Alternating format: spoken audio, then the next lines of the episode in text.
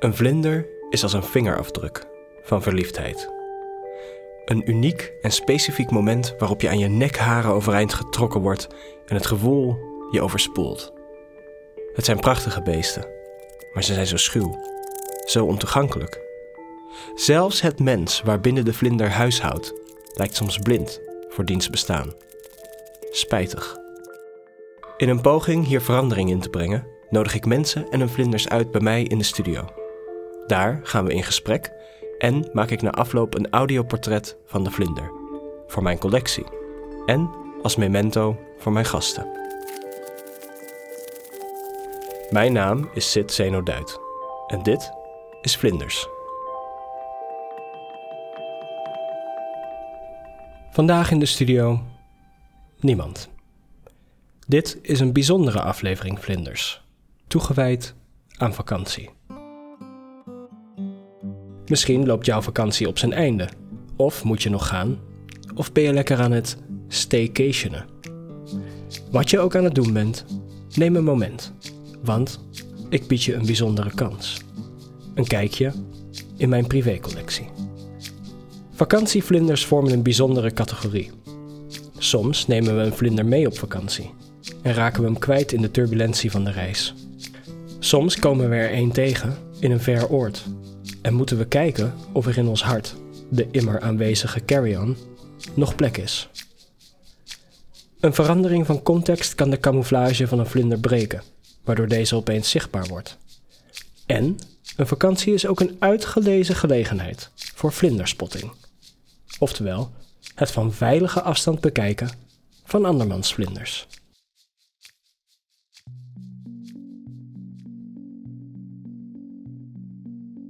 Het idee voor het opzetten van dit deel van de collectie schiet me te binnen op 3000 meter hoogte. Ik ben in Val di Fassa, in de Dolomieten. Het is eind juli en langzaam tilt een skilift mij door de Passo Pordoi naar boven. De gids kijkt mij een beetje levensmoe aan. Ik weet direct waarom, want ik ben gemakkelijk te herkennen als enige Nederlander in deze groep Italianen. Ik heb te dunne kleding aan, geen windjack en ik heb als enige niet voorbarig mijn hoofd door een poncho gestoken. Maar de gids weet niet dat ik op het punt sta om helemaal in mijn oer-Hollandse element te zijn. We komen aan in het gebouwtje bij het panoramisch terras en direct barst er een Italiaanse cacophonie los over of er wel of niet gewandeld kan worden. Want het regent. En het waait. En dat ook nog eens allebei tegelijk. Ik maak me een beetje los van de groep en loop richting het terras. Intussen gooi ik toch maar mijn appeltjesgroene poncho over me heen. Het regent en waait inderdaad. Met geknepen ogen en fronsend voorhoofd steek ik mijn hoofd over de reling. Ik kijk uit over een eenkleurig rotslandschap. Net de maan, maar dan met weer. Op deze hoogte is er geen groen, geen leven. Behalve natuurlijk de Ritse astronautjes, die zich op allerlei plekken op deze berg verzameld hebben.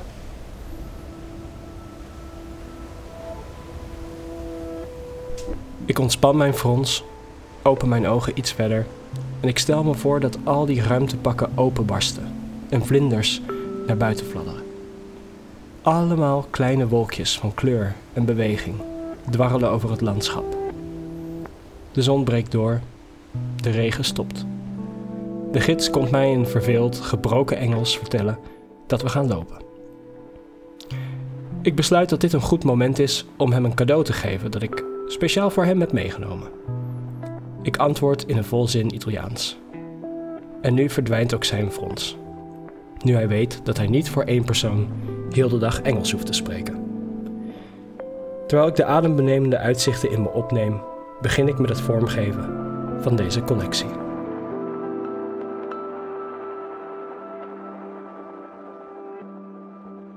Het eerste exemplaar vinden we in dezezelfde bergen. Ik sta wederom in een skilift. In deze lift is het rustig. Alleen mijn gezin en een koppel op leeftijd. In een normale lift staat iedereen dezelfde kant op, namelijk richting de deur.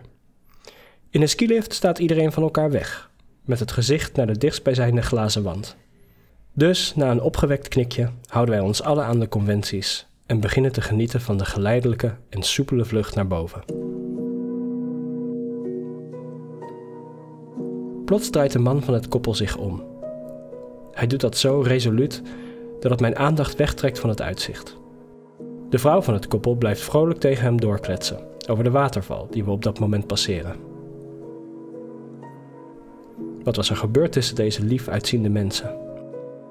Ik blijf het koppel bestuderen. Ze zijn goed uitgerust. Nordic walking sticks, stevige schoenen die al lang meegaan, maar ook nog zeker niet versleten zijn, goede compacte rugzakjes en van die jassen waarvan je direct ziet dat ze tegen de elementen bestand zijn, maar op magische manier toch ook ademen. De man blijft daar maar een beetje verloren staan, totdat zijn vrouw zich omdraait, hem even indringend aankijkt en zijn gezicht met beide handen beetpakt. En zo staan ze.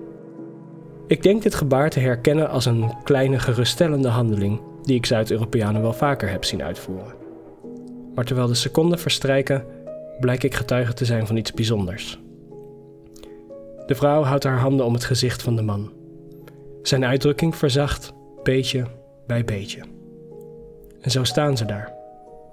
Totdat zij weer het gezicht ziet van de man waar ze waarschijnlijk al heel lang van houdt. Het is magisch. Eenmaal boven aangekomen, laten we het koppel voorgaan. Hij beweegt stijf en oneven. En misschien had hij nooit gedacht dat hij nog eens een skilift zou moeten nemen om boven op een berg te komen. In plaats van die mooie lange wandeling met als beloning het uitzicht bovenop, moest hij nu toch genoegen nemen met het toetje als de maaltijd. Maar hij lijkt niet langer verloren. Zij bracht hem terug in het moment. We passeren het koppel en even heb ik oogcontact met de vrouw. Met een kleine glimlach knikt ze naar me. Alsof ze zeggen wil: Kijk, jongeman, zo doe je dat.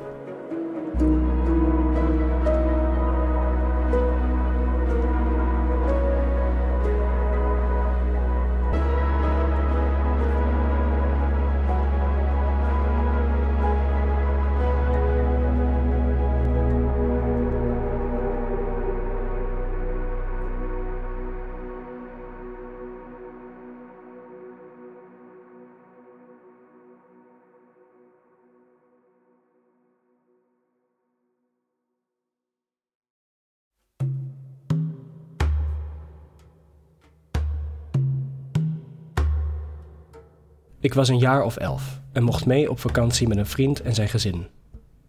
De vriend en ik waren het grootste deel van de dag te vinden bij het zwembad. Zo ook twee Franse meisjes. Misschien net één of twee jaartjes ouder dan wij. Het ene meisje was lang, knap en zag er vanuit het perspectief van een jongen van elf al best vrouwelijk uit.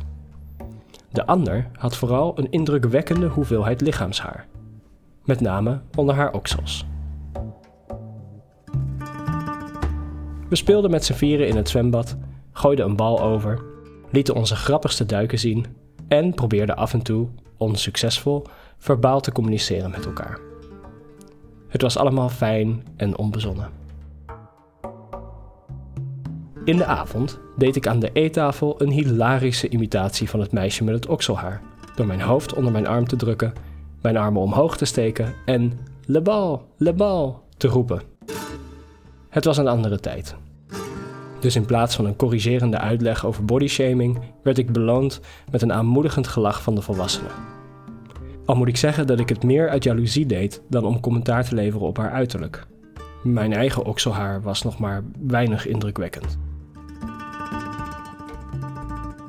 Zo gingen de dagen voorbij. We speelden in het zwembad met de Franse meisjes, aten croissants en mijn Le Bal grap was iedere avond weer een succes.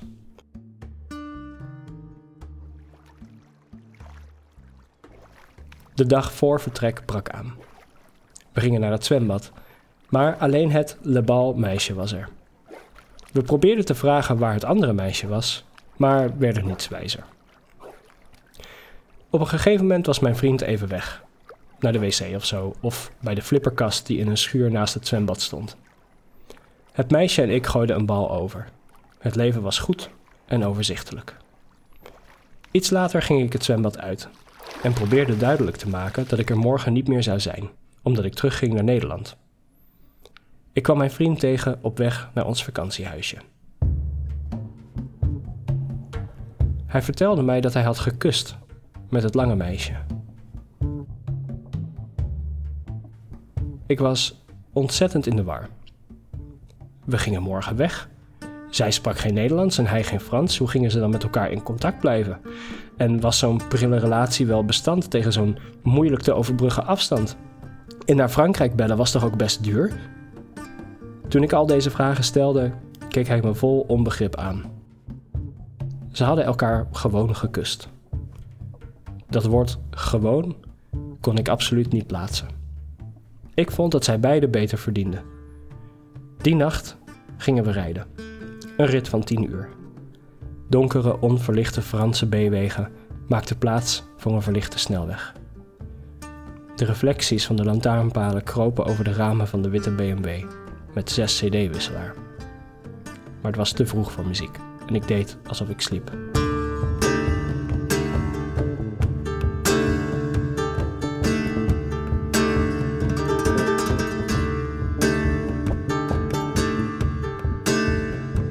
Toen de zon eenmaal opkwam, had ik zoveel nagedacht over de zoen van mijn vriend en het lange meisje, dat ik verliefd was geworden op haar. Het was liefde na het laatste gezicht.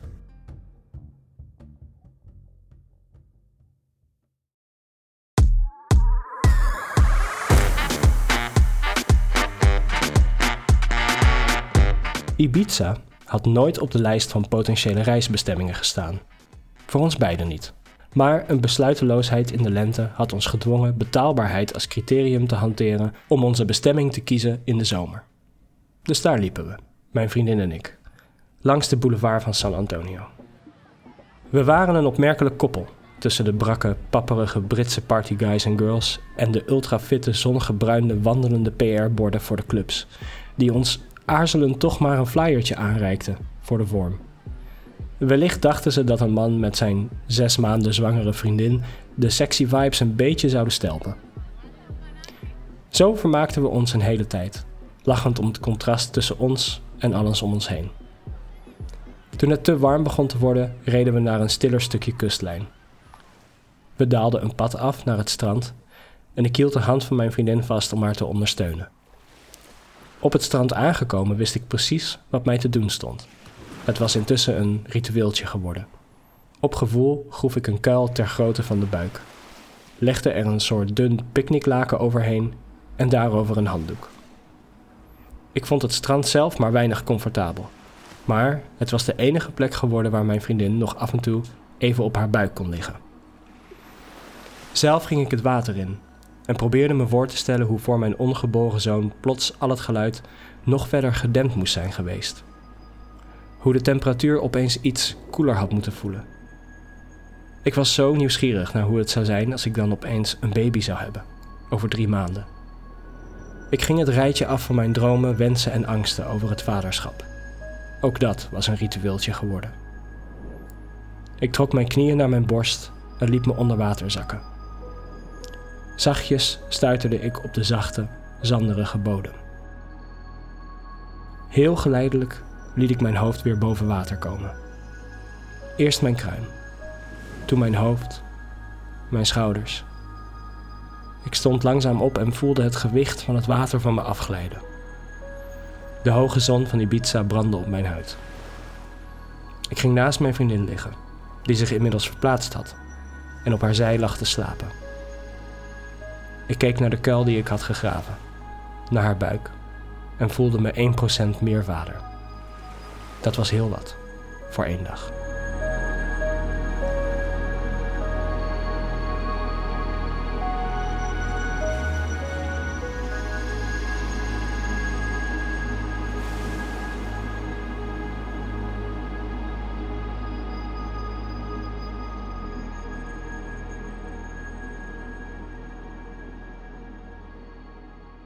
Als er een land is dat ik associeer met vlinders, dan is het Italië. De droge hitte die als een zwaar, zacht dekbed op me valt zodra ik het vliegtuig uitstap. De spectaculaire eenvoud van de keuken waar traditie heilig is. De wrijving tussen alles dat oud is en behouden moet blijven. En het hardnekkige moderne leven dat zich linksom en rechtsom buigt om daaraan te gehoorzamen. De Oecanthus pelusens, oftewel de Italiaanse boomkrekel, die op veel plekken zelfs het verkeer overstemt. En dan is er de taal. Een taal die zingt en danst, waar het soms moeilijk te begrijpen is of mensen ruzie hebben of enthousiast in gesprek zijn. Een taal waarin overdrijven geen kunst is, maar het fundament.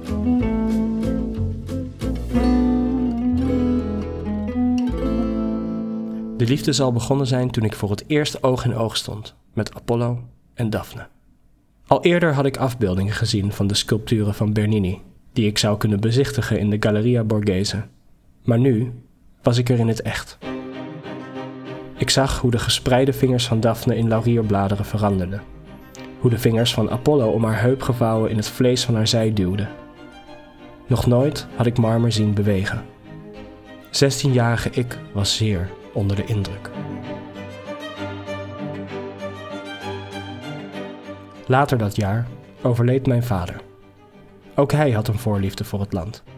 En mijn moeder en ik besloten zijn as uit te strooien op een berg in Liguria, zijn favoriete streek. Graag had ik willen huilen toen ik de as hand voor hand teruggaf aan de natuur, maar het lukte mij niet. De jaren erna, wanneer ik de plek ging bezoeken, lukte het mij ook niet. Een gevoel van schuld en onzekerheid groeide bij ieder bezoek, want het lag niet aan de omstandigheden. Het lag niet aan het prachtige uitzicht over de vallei, niet aan mijn vaders favoriete Italiaanse liqueur, grappa, waarmee ik zijn rustplek had besprenkeld. Het moest aan mij liggen. In 2015 reed ik terug naar beneden in mijn gehuurde Fiat Cinquecento. Het weer sloeg om, met een geweld alsof de berg mij ervan langs wilde geven. Zo snel als ik durfde scheurde ik van de ene haarspelbocht door de andere. De regen werd almaar heviger. Toen de weg door de vallei recht begon te trekken, stopte ik, stijf van de adrenaline, op een rustplaats. De wind beukte tegen de zijkant van het kleine autootje en ik huilde vijf jaar stilte bij elkaar.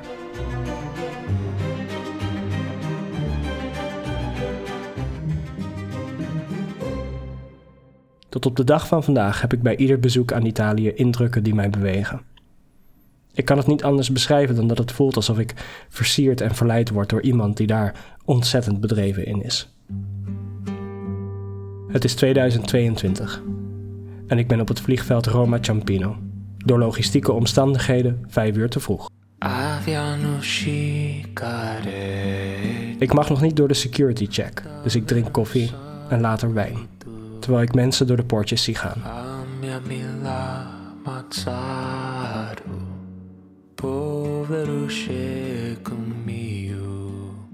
Een man en vrouw komen naar binnen. Zij heeft haar arm om de zijne, maar het ziet er meer vriendschappelijk uit dan romantisch.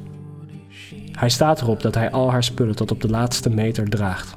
En dan omhelzen ze elkaar. De omhelzing duurt lang en ze wiegen een beetje heen en weer. Dansen haast voor het poortje. Ik houd mijn adem in. Is dit vriendschap of meer? Er ontstaat een klein beetje ruimte tussen hen in, precies genoeg voor een zoen. Maar dan draait zij zich om. De vingers van Apollo glijden langs de rug en over de zij van Daphne, terwijl zij naar het poortje loopt en haar ticket scant. Apollo kijkt haar na, draait zich om en verlaat het vliegveld. Ik raap de vlinder op die tussen hen in op de grond is achtergebleven en stop deze zorgvuldig in mijn carry-on.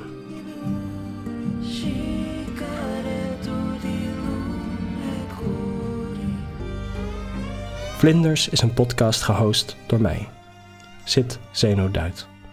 Productie door Lulu Linders. Cover art door Tamara Bella. Vlinders is onderdeel van Korrelfilm, een Rotterdams productiehuis. Op Instagram zijn we te vinden via vlinders.podcast. Wil je ons steunen? Kijk dan op vriendvandeshow.nl forward slash vlinderspodcast en krijg toegang tot exclusieve content. Heb jij een vlinder? Mail ons via vlinders.korrelfilm.nl Dankjewel voor je aandacht.